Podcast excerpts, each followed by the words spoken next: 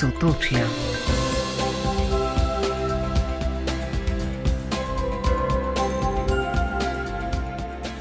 Dober večer, lepo pozdravljeni vsi, ki ste se odločili za družbo rojakov iz sosednjih držav.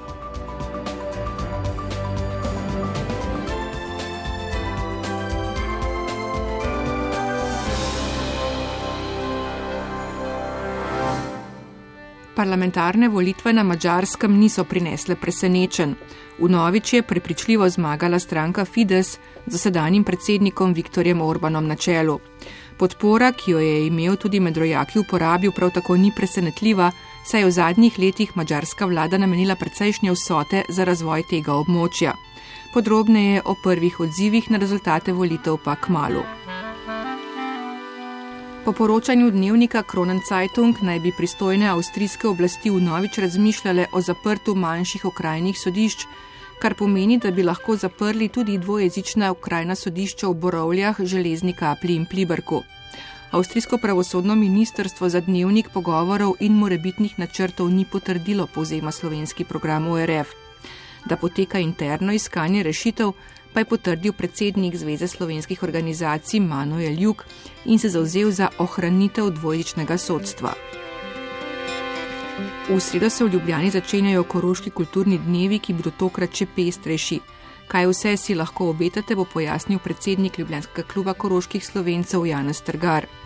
Z igralcem Aleksandrom Tolmajerjem se pogovarjamo o dveh predstavah, v katerih nastopa v Ljubljani, med drugim tudi o, lahko bi rekli, premjeri recitala Beseda je kulturnemu človeku Dragul, s katero so se koroški slovenci poklonili svojemu literatu in družbeno zelo dejavnemu rojaku Janku Mesnarju.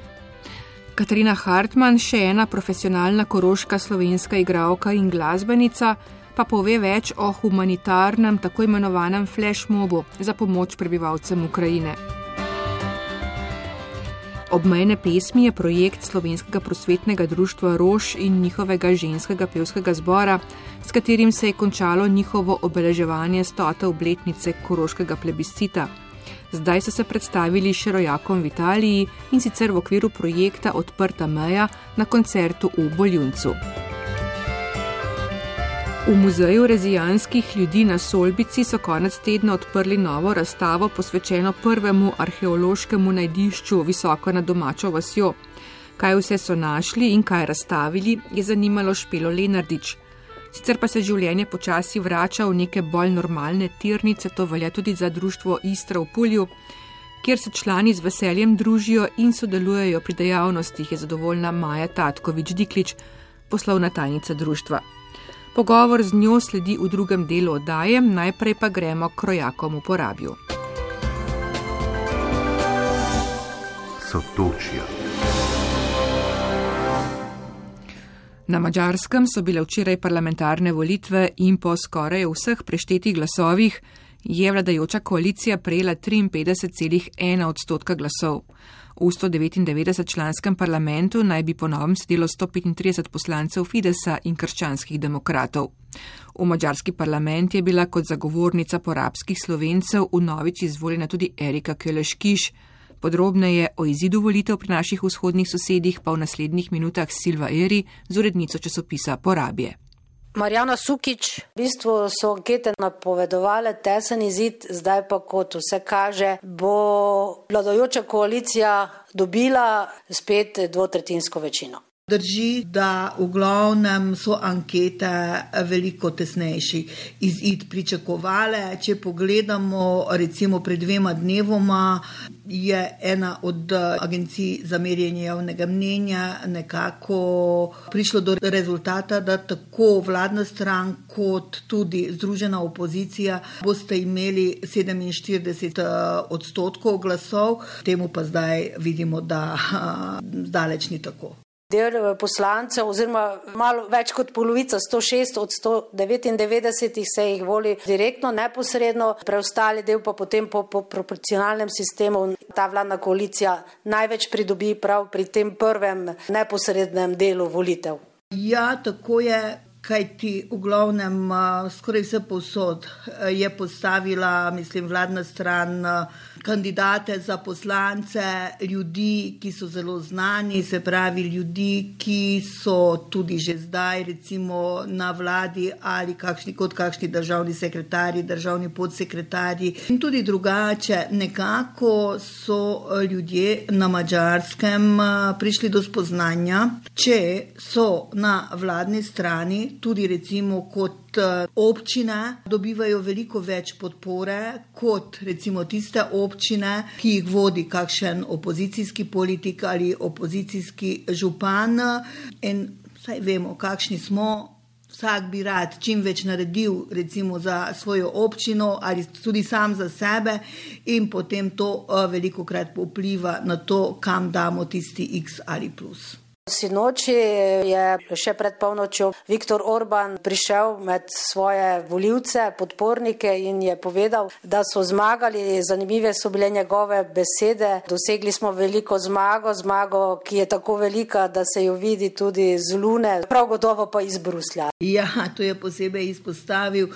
To je zelo značilno za Viktorja Orbana, ne, ko govori za svoje ljudi uh, tukaj doma, zmeraj najde v glavnem za določene stvari krivca in v zadnjem času veliko krat krivi za določene stvari Bruselj oziroma bruselsko administracijo. Zmeraj izpostavlja v glavnem interese same države proti Evropski uniji in tukaj vpliva tudi na čustva ljudi ljudi, v glavnem na to, da naši nacionalni interesi so v prvi vrsti in le potem ali temu sledijo interesi skupne Evrope. Marjana Sukič, pripadniki narodnosti na Mačarskem ste zdaj imeli tretjič možnost, da izvolite tudi svoje poslance oziroma bolje rečeno za govornike, zato ker eh, poslanca so imeli možnost zdaj le drugi, že se mi zdi, izvoliti le pripadniki nemške narodnosti, preostali pa zagovornike razen Romov, ki letos se mi zdi sploh niso volili. E, ja, tako je skupaj z državno-zborskimi volitvami v 13 manjšin voli na mačarskem svoje zastopnike v mačarskem parlamentu. To so lahko tudi poslanci ali pa zagovorniki. Razlika je v tem, da v glavnem tudi če imaš uh, manjšinski mandat, ki je v glavnem zelo ugodnejši, meni se zdi, da potrebuješ le 10 tisoč glasov, potem lahko imaš v glavnem poslanca v parlamentu, To v glavnem je uspelo na zadnjih volitvah in tudi na letošnjih volitvah samo nemški manjšini tukaj na Mačarskem. Če gledamo številke, v glavnem bi lahko do svojega poslanca ali celo do več svojih poslancev prišli tudi Romi na Mačarskem, ampak nažalost so oni tako uh, razdvojeni, razstrojeni, da enostavno se ne morejo dogovoriti za neko skupno zastopstvo oziroma za nekega skupnega poslanca. Letos jim niti ni uspelo postaviti svojo listo, romsko listo, kjer bi izvolili svojega zagovornika. Ostalih 11 manjšin na mačarskem je pa izvolilo zagovornikov, med njimi tudi mi slovenci. Slovensko listo je postavila državna slovenska samouprava. In vodilna na tej listi je bila Erika Kuleškiš, ki je že tudi do zdaj bila naša zagovornica v mačarskem parlamentu. Te liste pa v glavnem zmagajo, če se lahko tako izražam ali izrazim, ne glede na to, koliko glasov dobijo. Te liste ponavadi dobivajo veliko manj glasov, kot koliko je pripadnikov dane ali določene manjšine. Na mačarskem, če pogledamo, Hrvati za sebe pravijo, da jih je tam nekje 70 tisoč in zdaj malo prej sem gledala, uh, njihova lista je dobila 1700 glasov. Uh, mi slovenci za sebe trdimo, da naj bi nas bilo tam nekje od 4 do 5 tisoč uh, in uh, naša lista je na teh volitvah dobila 219 glasov, malo več kot na zadnjih uh, volitvah. Tu se pač postavlja neko vprašanje, zakaj? Zakaj je temu tako? Temu je kriv, po mojem, volilni sistem in sicer to, da če ti želiš v glavnem dati svoj glas uh, manjšinski listi, ne, potem se moraš posebej registrirati in pri registraciji označiti, da ti boš volil manjšinsko listo. Ampak s tem, če se ti odločiš za manjšinsko listo, v glavnem uh, izključuješ možnost, da boš glasoval tudi za strankarsko listo ali daš glas svoj, uh, svoj glas strankarski listi. To se pravi, bi lahko poenostavili, nimaš dvojne volilne pravice, da bi na eni strani izvolil svojega zagovornika ali poslanca, na drugi strani pa še se odločal med strankami. Zato veliko ljudi, tudi če je registriranih v glavnem v, v tem manjšinskem volilnem registru, se odloči tako, da to svojo pravico kot manjšinski volilec bo uh, izkoristil samo na občinskih volitvah, ne pa na državno-zborskih volitvah. Recimo, prav včeraj ne, se je odvijala ena debata na Facebooku, ne, potem ko je Erika Köleškiš nekako pozvala svoje voljivce naj grejo na volišča in da naj glasujejo za slovensko listo, ne, se je potem razvijala razvila debata, kjer je neka gospa iz Sakalovcev odločno in razločno v glavnem napisala, da ona sicer bo šla in bo dala svoj glas za slovensko listo, ampak se čuti prikrajšena, ker prav zaradi tega potem ne more se odločati med strankami oziroma ne more dati svoj glas nobeni stranki. Kaj ta izvolitev ponovna Fideza pomeni za porabje, za porabske slovence?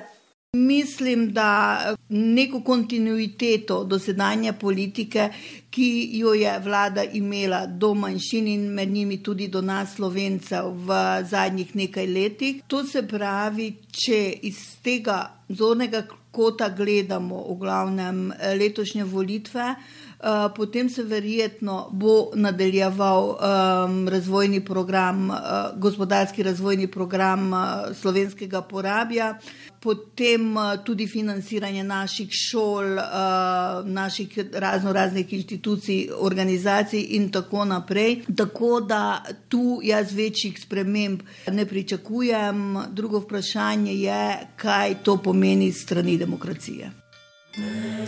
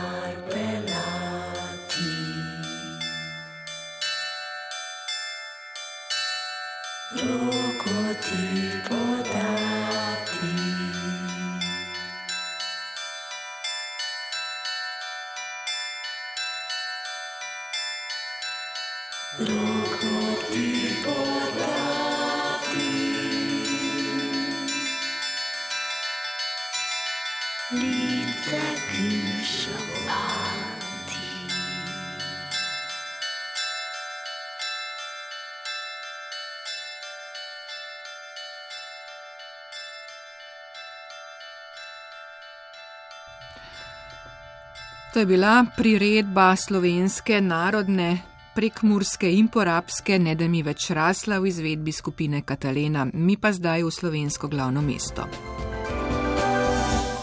Sotočja. V Ljubljani se bodo v sredo začeli koroški kulturni dnevi, cikl tokrat 14 kulturnih dogodkov, ki so jih izbrali obe krovni kulturni organizaciji koroških slovencev, Ljubljanski klub koroških slovencev in Društvo slovensko-avstrijskega prijateljstva. Letošnji bodo po dveh letih pandemije še posebej bogati. Gre verjetno za najobsežnejše in najbolj pese doslej pravi predsednik kluba koroških slovencev iz Ljubljane Jana Strgar in dodaja, da je del prireditev potekal tudi lani, kar je odpadlo, pa so preložili na letos. Osnovni organizatorici sta obe osrednji organizacije, Slovenska presvetna zveza in Krščanska kulturna zveza. V celovcu Ljubljani smo tisti, ki pomagamo. Je 11 prireditev klub koroških slovencev naš, tri pa društvo slovensko-avstrijskega prijateljstva. Začelo se bo v sredo v galeriji družina z odprtjem razstave del Gustava Januša Slike dneva. Gre za eminentnega koroškega slovenskega umetnika, pesnika in slikarja, dobitnika več uglednih priznanj. On je v Ljubljani že najmanj dvakrat razstavljal ali več, no zdaj pa ima približno 40 del, misli predstaviti in to iz novejšega obdobja. In ob otvoritvi na koncu pri finisaži ali zaprtju bo pa tudi prebral nekaj svojih pesmi, ker je če vemo, da je Petrarkov nagrajenec, Evropska nagrada za poezijo na predlog Handkeja, ki pravi, da je to edini genij, ki ga pozna, pol si že lahko predstavljamo, da je veliko ime, ne med koroškimi slovenci samo, ampak v evropski literaturi, kot slikar pa prav tako je razstavljal na različnih koncih. Dnevi se bodo nadaljevali s predstavitvijo novih koroških slovenskih publikacij in z literarnim branjem koroških slovensko in nemško pisočih literatk. In to knjižne produkcije strokovne narave, bodi si na koncu imamo eh, nov plebiscitni zbornik, ob stoletnici plebiscita, pa so etnološke zadeve zgodovinske, ki so pa tudi spominske, no in tudi literatura pride, beletristika pride do izraza, se zelo malo bomo imeli večer nemške in slovenske ali pa slovensko-nemške literature, to pa skupaj z slovenskim centrom PEN, bosta dve nemško pišoči, pa Ivana Kampuš, slovenka, slovenska pesnica, ki je pa tudi prevajala, tako da vse tri imajo dela v obeh jezikih. Letos je novih tudi nekaj lokacij. Lokacije so glede na, bi rekel, pričakovano publiko so različne. E, Ker normalno je že postalo, da so ljudkovne predstave v mini teatru, tam so se nekako domačili, nova je pa recimo skladovnica, no, kdaj pred leti smo že imeli, tudi za tako manjšo predstavo, ker dva nastopata, tudi dvojezično, ki, in to dva poklicna igralca Koroška, ki pa kaže situacijo v razredu, ko prideta slovenski in nemško govoreči otrok skupaj in kako najti sporozumevanje, kaj vas v slovenščini, kaj vas v nemščini pomeni in tako naprej. Tako, tako da to je ta lokacija. V slovenski matici imamo pravzaprav štiri predstavitve knjig, pravim tega različnega, strokovnega zlasti, značaja ali vsebine, eh, potem je jasno, Cankarjev dom je za koncert in v galeriji mestne hiše bo pa razstava in tudi recital eh, posvečen pisatelju Janku Mesnerju. In ko smo že pri Janku Mesnerju, lani je minilo sto let od njegovega rojstva in deset let od njegove smrti.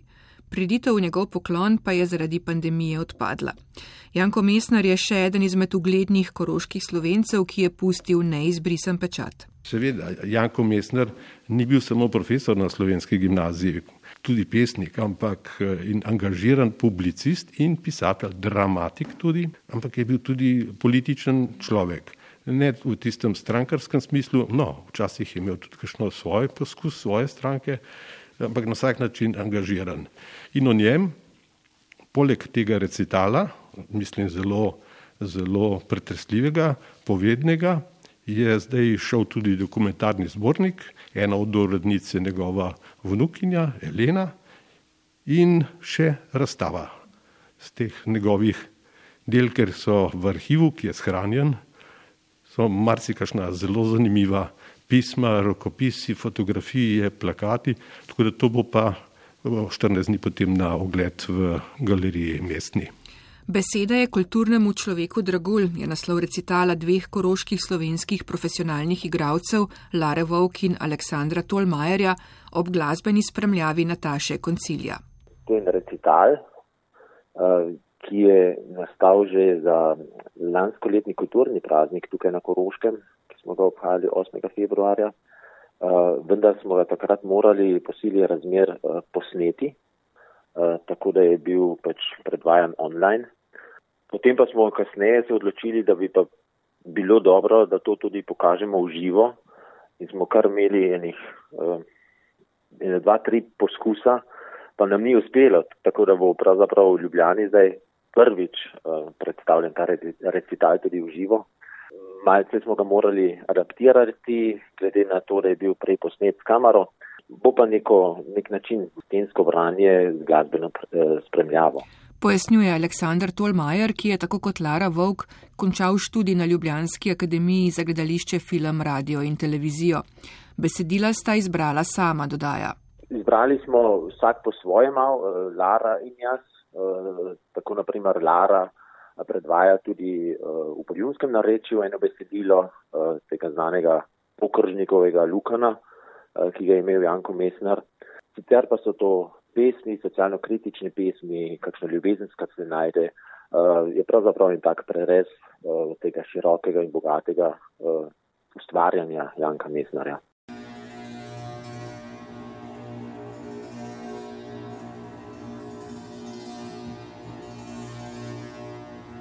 Ni poezije v tem našem življenju na Koroškem, kjer nam izmikajo tla pod nogami. Zato je tudi v naših srcih ni. V teh je samo preplah, je pljunek zaničevanja, ki smo ga usrkali že z materinim mlekom. Zato ni poezije v naši besedi. Ja, seveda, mislim, bil je en tak zelo kritičen duh, ni bil tiho in seveda to se odraža pravzaprav v vsaki njegovi vrstici. Uh, videti je, kako pri srcu, uh, kako je živel za slovenščino in seveda to se odraža zelo, zelo tudi v teh uh, besedilih, deloma tudi v teh besedilih, ki smo jih mi izbrali. In tudi ta citat pravzaprav oziroma naslov beseda je kulturnemu človeku dragulj, je ena vrstica iz enega od tekstov Janka Mesnara. Recital bo na sporedu Koroških kulturnih dnevov v petek ob 17. v atriju Ljubljanske mestne hiše. Dan pozneje bodo na svoj račun prišli otroci in mladi po srcu, predsednik Ljubljanskega kluba Koroških slovencev Jana Strgar. Pri Ljudkah sledimo predlogu Krščanske kulturne zveze v glavnem, usklajeno z Slovensko prosvetno zvezo in letos so prišli na vrsto Ljudkari iz Mihela, In igra je seveda, kot je najraje, tako malo živalska, napeta, dramatična. Otroci pridejo v džunglo, ker jih začnejo napadati komarje, nekonc tudi kralj živali, ne? tako da bo in napeto in zabavno. No, za mladine ali mlado, za otroke in mlade po srcu, kot smo napisali, pa tudi ta predstava, eh, ki smo jo omenili, kako zgleda šolski vsak dan na recimo koroški dvojezični vasi. Tudi tu pa ima eno od glavnih vlog Aleksandr Tolmajer. Ja, to je pa predstava teatra Šantjanč, vas, kaj, vas, dolf, nekoliko drugačen in malce mora čudni naslov. Pravzaprav gre za eh, dvojzično predstavo, um, ki smo jo lani jeseni eh, primerno uprizorili in na to gostovali tudi uh, po južnokoroških šolah. Izhodišče je kar zanimivo in sicer uh, dva šolarja, šolar, šolarka se srečata v šoli in morata se teti skupaj, s tem, da ona um, ne razume slovensko, uh, on pa nje ne razume, ki pač ona govori pač sam nemško. Na koncu ugotovita, da je pravzaprav skupaj boljše in lepše, kot pa en proti drugemu. V nedeljo sledi še tradicionalni koncert v Cankarjevem domu v Ljubljani. Velja omeniti, da ni samo vokalen z nastopom Okrita Suhe, ampak tudi instrumentalen s tamburaško skupino Tamika. Obe dve skupini sta zelo uveljavljeni, gostovali zlasti suha po celem svetu, praktično s CD-ji, kvaliteta je nesporna in tamburaštvo ima na Koroškem stoletno tradicijo. O petju Koroškem pa ni, da bi govoril posebej. Koroški kulturni dnevi v Ljubljani so namenjeni predstavitvi delčka pestre kulturne ustvarjalnosti rojakov na severni strani Karavank. Profesionalni igravci pa si želijo, da bi lahko v Sloveniji pogosteje gostovali, pravi Aleksandr Tolmajer. S časom na nek način tudi izgubiš stik, je mora zdaj premočno rečeno. Uh, seveda se zasleduješ, uh, kaj se dogaja. Ne vem točno, na kakšen način bi morali uradne strani bolj poseči v tole, bolj pomagati. Uh, najbrž na vseh nivojih bi se nekako morali izboljšati. Vidim tudi pa, seveda, z naše strani ni povsod več potem ta interes, uh, da bi rekli, ok, zdaj pa moramo nujno nujno v Slovenijo iti na gostovanje. Jaz mislim pa, da na teh dveh nivojih, mislim na ljubiteljskem, je mislim tega še skoraj več. Mislim, zdaj govorim seveda vse za predpandemijski čas. Mislim, je bilo teh na ravni nekih osebnih stikov pri teh ljubiteljskih društvih, so bila vzpostavljena ta prijateljstva in tudi ta redna gostovanja in izmenjave. Um, seveda bi pa morali dvigniti to tudi na neko višjo raven, se mi zdi, da recimo, če zdaj teatr Šentanž, ne vem, komplet uspešno deluje, uh, bi bilo lepo, če bi bil nek tako bolj zaznaven v tem širšem kulturnem slovenskem prostoru. Nekaj gostovanj koroških slovenskih gledališnikov omogočijo prav koroški kulturni dnevi v Ljubljani, ki skrbijo za večjo prepoznavnost delovanja koroških slovencev v matični državi. Ti se namreč pogosto čutijo, sicer po krivici, prezrti in kot dodaja Janez Trgar. Po tistem geslu dobrih obrtnikov pa pridemo tudi na dom, v Ljubljano vam prinesemo. In ker poslušalci so toči, oktet suha že poznate, sledi zdaj še tamburaška skupina Tamika iz železne kaple, ki bo skupaj z oktetom v Ljubljani nastopila v nedeljo.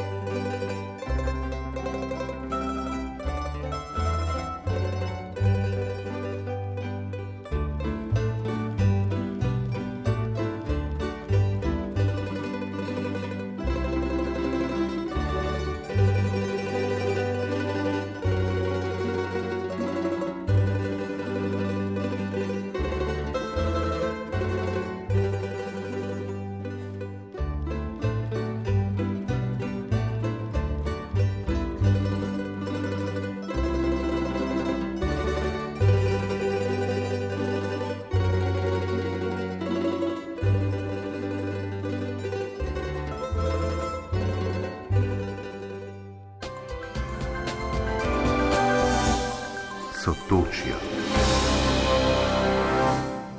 Slišali ste nastop tamburaške skupine Tamika leta 2014 v Ljubljani v Cankarjevem domu, v Novič pa ga boste lahko slišali to nedeljo. Mi ostajamo pri koroških slovencih, Katarina Hartmann, gledališka in filmska igralka ter glasbenica, v petek v celovcu pripravlja humanitarno prireditev za pomoč prebivalcem Ukrajine. Gre za tako imenovani flashmob, čeprav v nekoliko prenesenem pomenu. Flashmob namreč pomeni navidezno naključen nastop skupine ljudi, ki se zbere in po nastopu odide. Pravzaprav najprej mislim na koncert narediti, ampak ker je že toliko koncertov pa prireditev, sem si pa zamislila, da bi tokrat naredili en flashmob. Sam flashmob v tem smislu celovcu eh, je mal težko zorganizirati oziroma ker um, ni tiste množice na cestah, tako da je poslala povabila in vse je fuj organizirano in um, bo 8. aprila ob 20. Eh, uri v deželnem dvoru v celocu in upam, da se bo udeležilo pač veliko ljudi, da bomo lahko uh, veliko zbirali. Na prireditvi bodo nastopili tudi Tanja Prušnik, predsednica Društva avstrijskih likovnih umetnikov ter literat in založnik Lojze Vizer, pa seveda številni drugi. bomo peli in recitirali in si zorganizirala tudi veliko otrok, ki bojo sodelovali, pa zbore, ko smo zorganizirali zdaj v enem tednu, tako da, da je bilo težko um, dobiti fiksne zbore. Zdaj sem pa na vse zbore pisala, če imajo pevci cajt, ne pridejo, pa zraven pojejo in glasbenike sem organizirala. Tako da mislim, da bo kar kaj skupaj prišlo. Celovac je pač manjše avstrijsko mesto, zato tudi flashmob ne more biti niti navidezno naključen. Ja, v celovcu je težko dobiti ljudi na en kup. To moš organizirati, ker v petek zvečer nobenega ni na cesti. to, to ni tako, da na Dunaju bi to ful funkcioniralo. Tle se postavim in potem imaš, ne vem, sto ljudi, ki so naenkrat okoli tebe. Ampak to v celotu ne bi funkcioniralo. Zato moraš to organizirati in ker se gre za dobro stvar, um, smo rekli, da bomo zdaj to pač tako naredili. Katarina Hartmann, sicer pandemija in dve leti trajajoče omejitve niso pretirano prizadele, pravi. Pravzaprav jaz se ne smem pritožiti, ker sem dost imela zadelati v gledališču sem imela tri produkcije in ko je bil prvi lockdown, pač moj album naredila, producirala, tako da je bilo zadelati, je bilo dost, denarja ni bilo, ampak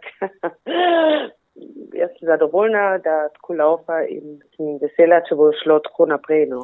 Kako pa je kaj zdaj z obiskom gledaliških predstav? V mestnem gledališču ja, če pa pogledam bolj male produkcije, je pa te se zelo borijo za publiko, ni tek fajn.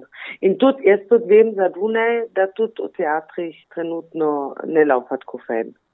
Jaz ne vem, a imajo ljudje še strah, bolj so se navadili uh, ostati doma, da ne grejo več ven, ne vem, no.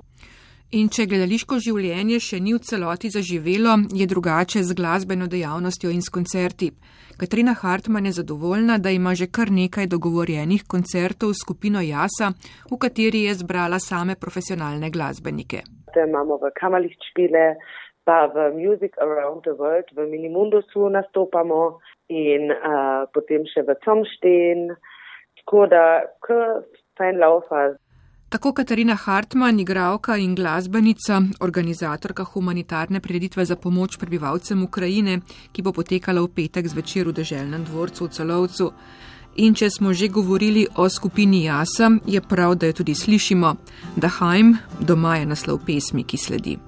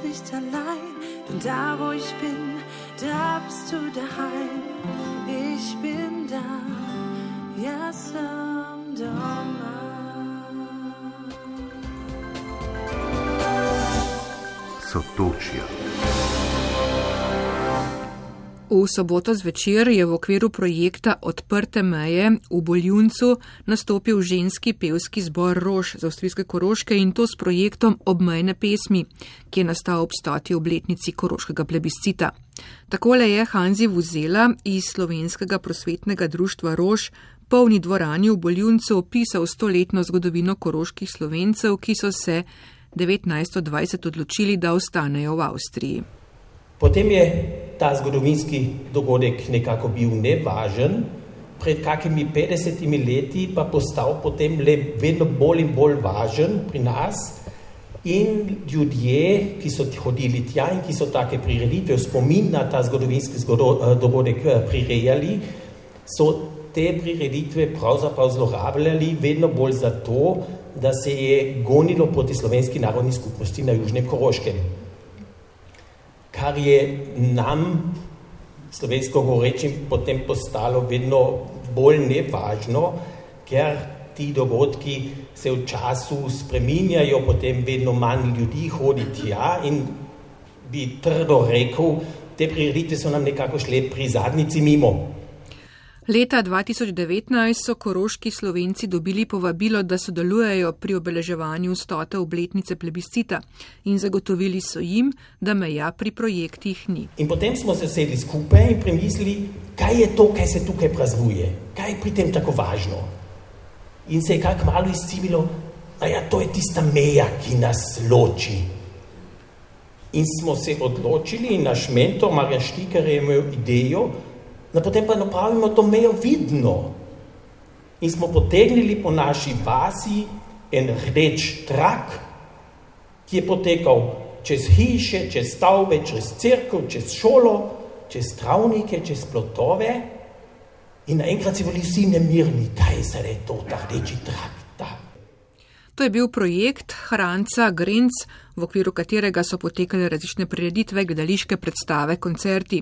Zaključek pa je bil koncert ženskega pevskega zbora Rož z obmejnimi pesmimi, ki so nastale v okviru projekta. Z vsemi temi simboli, ki smo jih imeli uh, čez uh, leto potegnjeno, vidno skozi vas. In zato me prav veseli, da lahko na tem mestu prvič rečem, za nas prekoračimo mejo, ta stilni uh, koncert, ko je bila je, krstna izvedba, je bila pri nas na Mošem Jakobu in sedaj smo prvič šli čez mejo in lahko vam predstavimo uh, ta koncert, zato me veseli. Uh, zamislite se v Šentjakob, kjer tam poteka rdeči trak po vasi, stoji sredi vasi krog stolov in kjer pojejo naše ženske. Tako Hanzi Vuzela. Koncert obmejne pesmi je bil hkrati zaključek petega festivala slovencev v Italiji, Slow Fest, ki ga pripravlja Zveza slovenskih kulturnih društev v Italiji. Potekal pa je tudi v okviru čezmejnih dogodkov odprte meje brez ovir občin Dolina in Hrpelje Kozina, ki prebivalce obeh strani meje povezuje že več kot 40 let.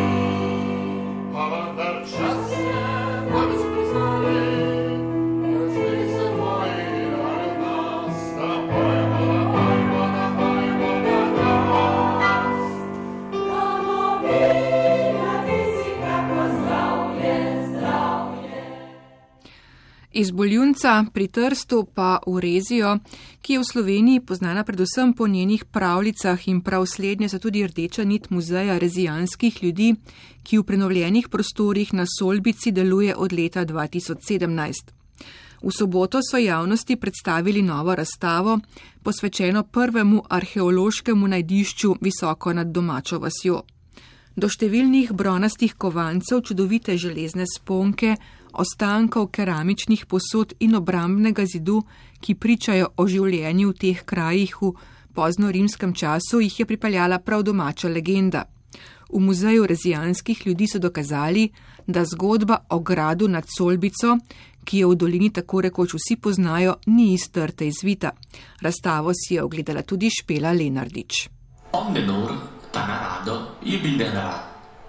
Ano je bil denar spot, kan je mül, Jümene Knes. Ana Mülna Syno. Isi syn, Dendin. Nekoč je na gradu nad Solbico živel gospod, ki se je imenoval Knes. Njegov sin si je želel v svet, a oče mu je ob tem zagrozil, da bodo vrata gradu po odhodu zanj zavedno ostala zaprta. Sin je odpotoval in se čez nekaj let vrnil, bolan. Oče mu ni hotel pomagati. Čeprav so mu služkinje skrivaj nosile hrano, je sin čez čas umrl, knes pa si je zatem sodil sam ter zažgal grad. Gradu nad Solbico res niso našli, je pa legenda pripeljala do edinstvene arheološke najdbe. Utrjena visokogorska naselbina je bila v pozno rimskem obdobju med 3. in 4. stoletjem pomembna strateška točka zgrajena v vojaške namene ki pa so jo kasneje, v zgodnji srednjeveški dobi, med 6. in 7. stoletjem, dogradili v preprosta bivališča. Za Sandra Kvaljo iz Muzeja rezijanskih ljudi, ki si je zamislil projekt, gre tako rekoč za uresničitev otroških sanj. Ko sem bil otrok, že doma, starši so pravili to pravljico. In pravljica pove prav o gradu. Tako da, ko sem zrastel, ne, tudi vaščani, več čas, večkrat so tako mi vprašali, ne, ma zakaj ne gremo gor na gradu iskati, kopati in bomo najdli kovance. Ne? Tako da vse te reči so meni ostale. In tu v muzeju, kar od samega začetka raziskujemo, Kujemo, recimo tako, tudi te pravljice in legende, sem rekel, ma zakaj ne, probajmo, či od ene legende postane ena taka arheološka razstava in, in možnost. Ne? Tako smo začeli in hvala Bogu so prišli nam pomagati tisti, ki skrbijo za te reči v naši deželi. Kakšni so bili občutki, ko ste dejansko ugotovili, da je legenda resnična? Za me je bilo kot najdati ena reč, ki veš, da je, ampak niti je možnost spoznati. Ne? Tako da sem rekel, to mora biti tudi ne samo za vaščane, ampak nekaj za ljudje, nekaj za območje, naj postane tudi ena taka turistična točka. Ne? Tako da je nekaj, ki smo odkrili, ampak podarimo vsem ljudem. V sodelovanju z Državnim arheološkim muzejem iz Čedada in s podporo deželjne izpostave nadzorništva za arheologijo in spomeniško varstvo so med leti 2018 in 2020 opravili najprej zahtevna izkopavanja. Vrh je dostopen zgolj peš, uro in pol hoje iz Solbice. Sledila so raziskovanja in rekonstrukcije najdenih predmetov, ki pričajo o preprostem življenju manjših družinskih skupnosti, ki so se v višino najverjetneje odmaknile zaradi nevarnosti ali pa v poletnem času za pašo živine, nam je zaupal častni predstavnik nadzorništva za arheologijo Giovanni Carlo Fiappo. Tutti i semi che noi abbiamo trovato, come potete vedere qui, eh, dovevano portarli in qualche maniera, dunque erano sicuramente. Vsa semena in plodove, ki smo jih našli in jih lahko vidite tukaj, so morali nekako prinesti na vrh. Predvidevamo, da so si pomagali živino, predvsem z osli ali konji, kar potrjuje tudi majhna potkev, ki smo jo našli. Imeli so preprosta domovanja. Kolibe so bile suhozidne gradnje, prekrite z vejevjem, najverjetneje tukajšnjih bukev in borovcev.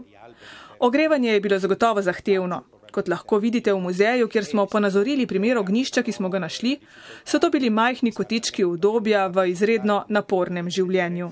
Ed erano piccoli angoli di, di, direi di comodità, ma sicuramente era una vita molto dura. Prvo arheološko najdišče v Reziji priča o življenju pred prihodom Slovanov v Alpe, spomni Sandro Kvalja iz Muzeja rezijanskih ljudi. Ta zid gor, ta najbišče je zanimiv zato, ker je vmes med staro kulturo, rimljansko kulturo in pa našo kulturo, ne? oziroma naši predniki, mislim, da tudi gor so živeli. Ne veliko, ampak so porabili prostor, ki pa rimljani so zapustili. Kdaj so prišli vaši predniki, če še enkrat spomnimo zgodovino tega prostora in posebnost kulture? Rezijanske doline. Recimo je kot v Sloveniji, ni velike razlike. Ta najdbišče, tako kot je bilo rečeno, je imelo eno življenje od 4. stoletja do 7. stoletja, potem so prišli pa naši predniki. Ne. Delo, ki je bilo opravljeno na pobudo muzeja rezijanskih ljudi, je neprecenljivo, je ob predstavitvi razstave dejala vodja Državnega arheološkega muzeja v Čedadu Anđela Borcakoni. Izrednega pomena je iz arheološkega vidika, saj gre za prvo najdišče v Rezi, kar odpira možnosti nadaljnih raziskav. Izkopavanja v visokogorju so redka, a odstirajo pogled na razpredeno mrežo obrambnih sistemov v rimskem času, ki so nadzorovala pomembne trgovske poti proti severu in vzhodu. Najdišče ta narado pa je navdušilo tudi zaradi predanosti vodje in sodelavcev projekta, ki daje majhni skupnosti pod kaninom nove priložnosti za razvoj kulturnega turizma. Angela Borzacconi. To vrstni projekti niso pogosti, saj zahtevajo osredotočenost in odločenost, kakršno so pokazali v Muzeju rezijanskih ljudi, pa tudi na tukajšnji občinski upravi in v celotni skupnosti, ki je podprla projekt. Najti nekoga, ki sistematično sledi projektu vse do njegovega zaključka, je vse prej kot preprosto. In tudi v tem je izjemnost najdišča ta narado, da je projekt zaključen. S projektom se je Muzej rezijanskih ljudi prijavil na razpis deželjnih sredstev. V veliko finančno pomoč je bila občina Rezija, pomagala so tudi domača društva in slovenske organizacije. Za dobrih 40 tisoč evrov so poleg razstave in kataloga s strokovno predstavitvijo najdišča, poteka izkopavanj ter popisom vseh najdenih predmetov, pripravili tudi krajši dokumentarni film in računalniški prikaz najdišča Ta narado. Gre za tretjo začasno razstavo, odkar so se leta 2017 preselili v nove prostore na Solbici. Predsednica kulturnega društva Muzej rezijanskih ljudi Luiđa Negro. Kot smo odprli muzej oktober 2017, smo imeli prvo začasno razstavo, ki je bila posvečena pravljicam. In iz te razstave potem je ostala sekcija, ki je posvečena domačemu ustnemu izročilu. In potem, ker je to značilnost našega muzeja, vsake razstave imajo v vsebini tudi neko pravljico ali, ali legendo. Druga začasna razstava je bila posvečena rojstvu in krstu in na katalogu imamo tudi pravljice vezane na to temo. In za to tretjo razstavo pa smo prav začeli z eno legendo. Tu je več pravljic, ki pripovedujejo, da nekaj gor na gradu je bilo. In eh, iz teh pravljic, in seveda tudi iz dokumentov, ki imamo, smo začeli to raziskavo in eh, smo organizirali to razstavo, ki bo na ogled do septembra 2023. Morda do januarja, bomo skušali, da se zaključuje januarja 2024. Zakaj se odločite za tako hitro rotacijo vsebin? Na eni strani imamo veliko gradiva. V teh skoraj 30 letih, ki delujemo, smo zbrali veliko gradiva in je škoda, da je v depoju. In zato smo rekli, prav, da vsako toliko imamo kakšno novo razstavo, tako da prinesemo na ogled predmete, ki so nam podarili ljudje. Je tudi to dobro, ne, da vaščani, ki so nam podarili predmete, potem jih vidijo na razstavah. Jaz mislim, dve leti je dovolj, da vaščani in tudi odaleški doji zainteresirajo za tiste argumente, lahko pride. Ne, dve leti, jaz mislim, eno leto in pol, dve leti je dovolj. Arheološko najdišče, ki je bilo v poznorimskem času strateška vojaška naselbina in del vzhodnoalpskega obrambnega loka Klaustra Alpinum Juliarium, je odslej vključena tudi v pohodniške poti doline Rezije. Društvo Vivi Stolvica je sedmim različno zahtevnim krožnim potem dodalo še eno s čudovitim razgledom na vse strani doline. V času pandemije so večino obiskovalcev muzeja rezijanskih ljudi predstavljali prav pohodniki, S prostitvijo ukrepov zdaj upajo, da bo več obiskovalcev ponovno prišlo tudi iz Slovenije. Insomma, baraleo scoti se, si rispondo strezia, in so te leve de dakete, si rispondo ta nupakle, ma kutsuti romonus. Kana Tina Mürös maká pět, ty si rezion. Töna maja sutno vos, tu kaništi na tě stát. Má ona mürös čaluká za koništi na tě tet. Rezion. Rezia, a tityong. Tako o reziji Rino Kineze, mi pa ob koncu odaje še krojakom v pol. Sotočja. Lep pozdrav želim Maji Tatkovič Diklič, poslovni tajnici Slovenskega kulturnega društva Istra in urednici njihovega glasila Maurica, ki izide štirikrat letno. Najprej me zanima, kako je zdaj s kulturnim življenjem eh, v vašem društvu. Lep eh, pozdrav tudi vam. Ja, veliko boljše kot eh, prejšnje dve leti. Člani društva so se začeli prebujati in oziroma hoditi na aktivnosti. Naše društvo je tudi, ko je bil čas korone, smo skušali v bistvu realizirati vse, kar, kar se je dalo v, v omejenih možnostih, z omejenim številom ljudi, ampak vse, kar se je dalo, smo uh, izrealizirali. Zdaj opažamo, posebej od februarja naprej, da, da člani enostavno pogrešajo mm. druženje kot tako. Tako da mi tudi imamo ene uh, nove delavnice, ki so se izkazale zaenkrat, uh, mislim, je kar zainteresiranih za njih uh, in nadaljujemo z našimi uh, starimi delavnicami in projekti. Če se ustaviva pri teh vaših tradicionalnih delavnicah in projektih. To je seveda Zborencijan, ki je končno zdaj po dolgih dveh letih ima normalno vaje, dvakrat tedensko po dve uri.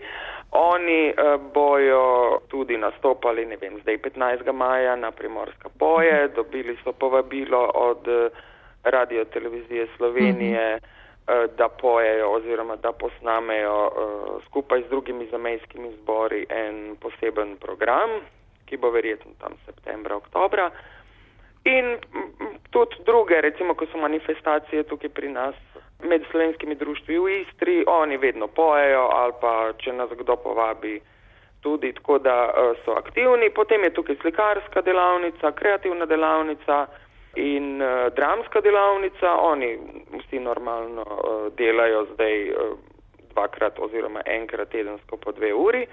In uh, imamo nove delavnice oziroma dve novi delavnici, to je delavnica uh, Motar, ki je v bistvu delavnica pohodništva in zdravilnih zelišč. Tako da v bistvu so se člani, ki radi hodijo po naravi, so se zbrali in se zmenili oziroma v pravnem odboru predstavili, da bi imeli eno uh, tako pohodniško delavnico, ki bi nabirali rastline in uh, pač hodili in družili se v naravi.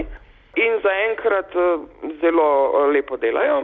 In druga uh, delavnica oziroma mini projekt je predvajanje slovenskih uh mhm. -huh. filmov samo za naše člane uh, v, v naši galeriji, tako interno predvajanje starih slovenskih filmov, da se obudijo stari spomini, uh -huh. evo, mhm. tako bomo rekli. Ja, in je že bila kakšna projekcija? Ja, je, je bila projekcija prejšnji mesec na svoji zemlji. To smo šele začeli zdaj mm. marca. Bomo videli. Upamo, da bo veliko zainteresiranih, tako kot je bilo marca. Zdaj bomo videli. No, imate pa tudi ciklus video projekcij na sončni strani Alp. Kako je pa s tem? Ja, to je naš član uh, Bojan Bukovnik. Uh, on je drugač bil alpinist oziroma ne glih alpinist, ampak je Janinec. imel rad uh, gore in uh, je. Zelo pasioniran ljubitelj slovenskih Alp in pol v bistvu pred, predvaja ene take dokumentarne filme, da predstavi pač našim članom, kam sploh recimo, kaj se sploh lahko vidi v Sloveniji od naravnih lepot, lahko tudi, če hočejo, kje so zanimivi izleti in to, predvsem pa druženje. Mm -hmm. Opazili smo, da, da ljudi, posebej starejši ljudi, ki so bili se mi zdi še bolj prestrašeni eh, zaradi eh, korone in so se izogibali druženju, res pogrešajo druženje in se radi zberejo. Tako da v, v bistvu naše društvo podpira takšen način druženja med vrstniki, posebej, ko gre za večina naših članov, so starejši, uh, starejši občani. Za konec pa Maja Tatkovič, Diklič, še nekaj besed o mali šoli slovenščine. Če se ne motim, ste že imeli eno letos ja, in ja, zdaj kmalo sledi druga. Ja, torej prva naša eksperimentalna prejšnjega avgusta, zdaj februarja so v bistvu večina otrok uh, je, oziroma sam dve punci nista prišli nazaj uh, zdaj februarja, ampak smo mi, dobili nove. Tako da v bistvu zdaj aprila pričakujemo približno isto število otrok. Otroci so zelo zadovoljni, jim je všeč, so postali že uh, taka ena klapa, mm. ko gre za otroke tam med tretji, četrti, peti razred osnovne šole. Tako da ena taka prijateljstva so nastala in sproti se tudi učijo slovensko. Zdaj februarja, glede na to, da so šolske počitnice bile tisti teden pred pustom, pa so izdelovali tudi kurente iz, rec, iz recikliranega materijala, tako da jim je bilo prav zabavno. Uh -huh. Koliko pa je bilo udeležencev? Deset. Uh -huh. Isto kot je bilo v bistvu uh, avgusta, s tem, da dve punci nista prišli, ampak sta prišla dva fanta, zdaj februarja, zdaj aprila bomo videli. Verjamemo, da bo tam med 10 in 15. Kako je pa potem z učenjem slovenskega jezika in kulture, z dopolnilnim poukom? Uh, dopolnilni pouk, tako kot vedno, ima učiteljica Vida Srdoč, mm. oni imajo ob torkih, so različne skupine uh, oziroma je skupina osnovnošolcev, torej začetniki, otroci, potem so začetniki odrasli in nadaljevalci s tem, da mi imamo tudi eno skupino, ki jih mi kličemo gimnazijci, so pa v bistvu srednje šolci, ki se tudi učijo slovenščino, s tem, da oni imajo drugačen, mislim, ni drugačen program, ampak je nekoliko hitrejši program, uh -huh. ker, ker enostavno so v boljši učni formi, uh -huh. recimo kot kot drugi. Ja. Kako je pa s poukom slovenščine po modelu C v Pulju zdaj? Ja, ostalo je še nažalost samo še v šoli za uporabne umetnosti in dizajn. Uh, gimnazija nima več, uh, že meni se zdi, od konca 2019.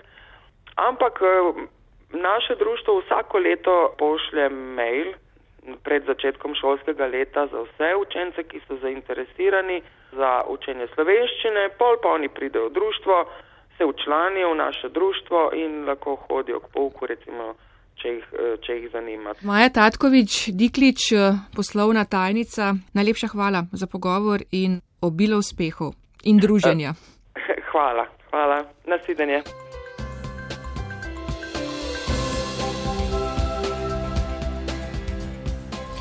To je to za tokrat. Sotočja smo pripravili tonski mojster Vladimir Jovanovič in novinarke Silva Eri, Tatjana Pirc, Špela Lenardič in Mataja Železnikar. Vedno znova nas lahko poslušate na spletni strani prvega programa, kjer med oddajami poiščete sotočja. Naročite se lahko na podcast ali nas najdete v RTV-evih spletnih arhivih. Srečno in nasvidenje do prihodnje oddaje. Sotočja.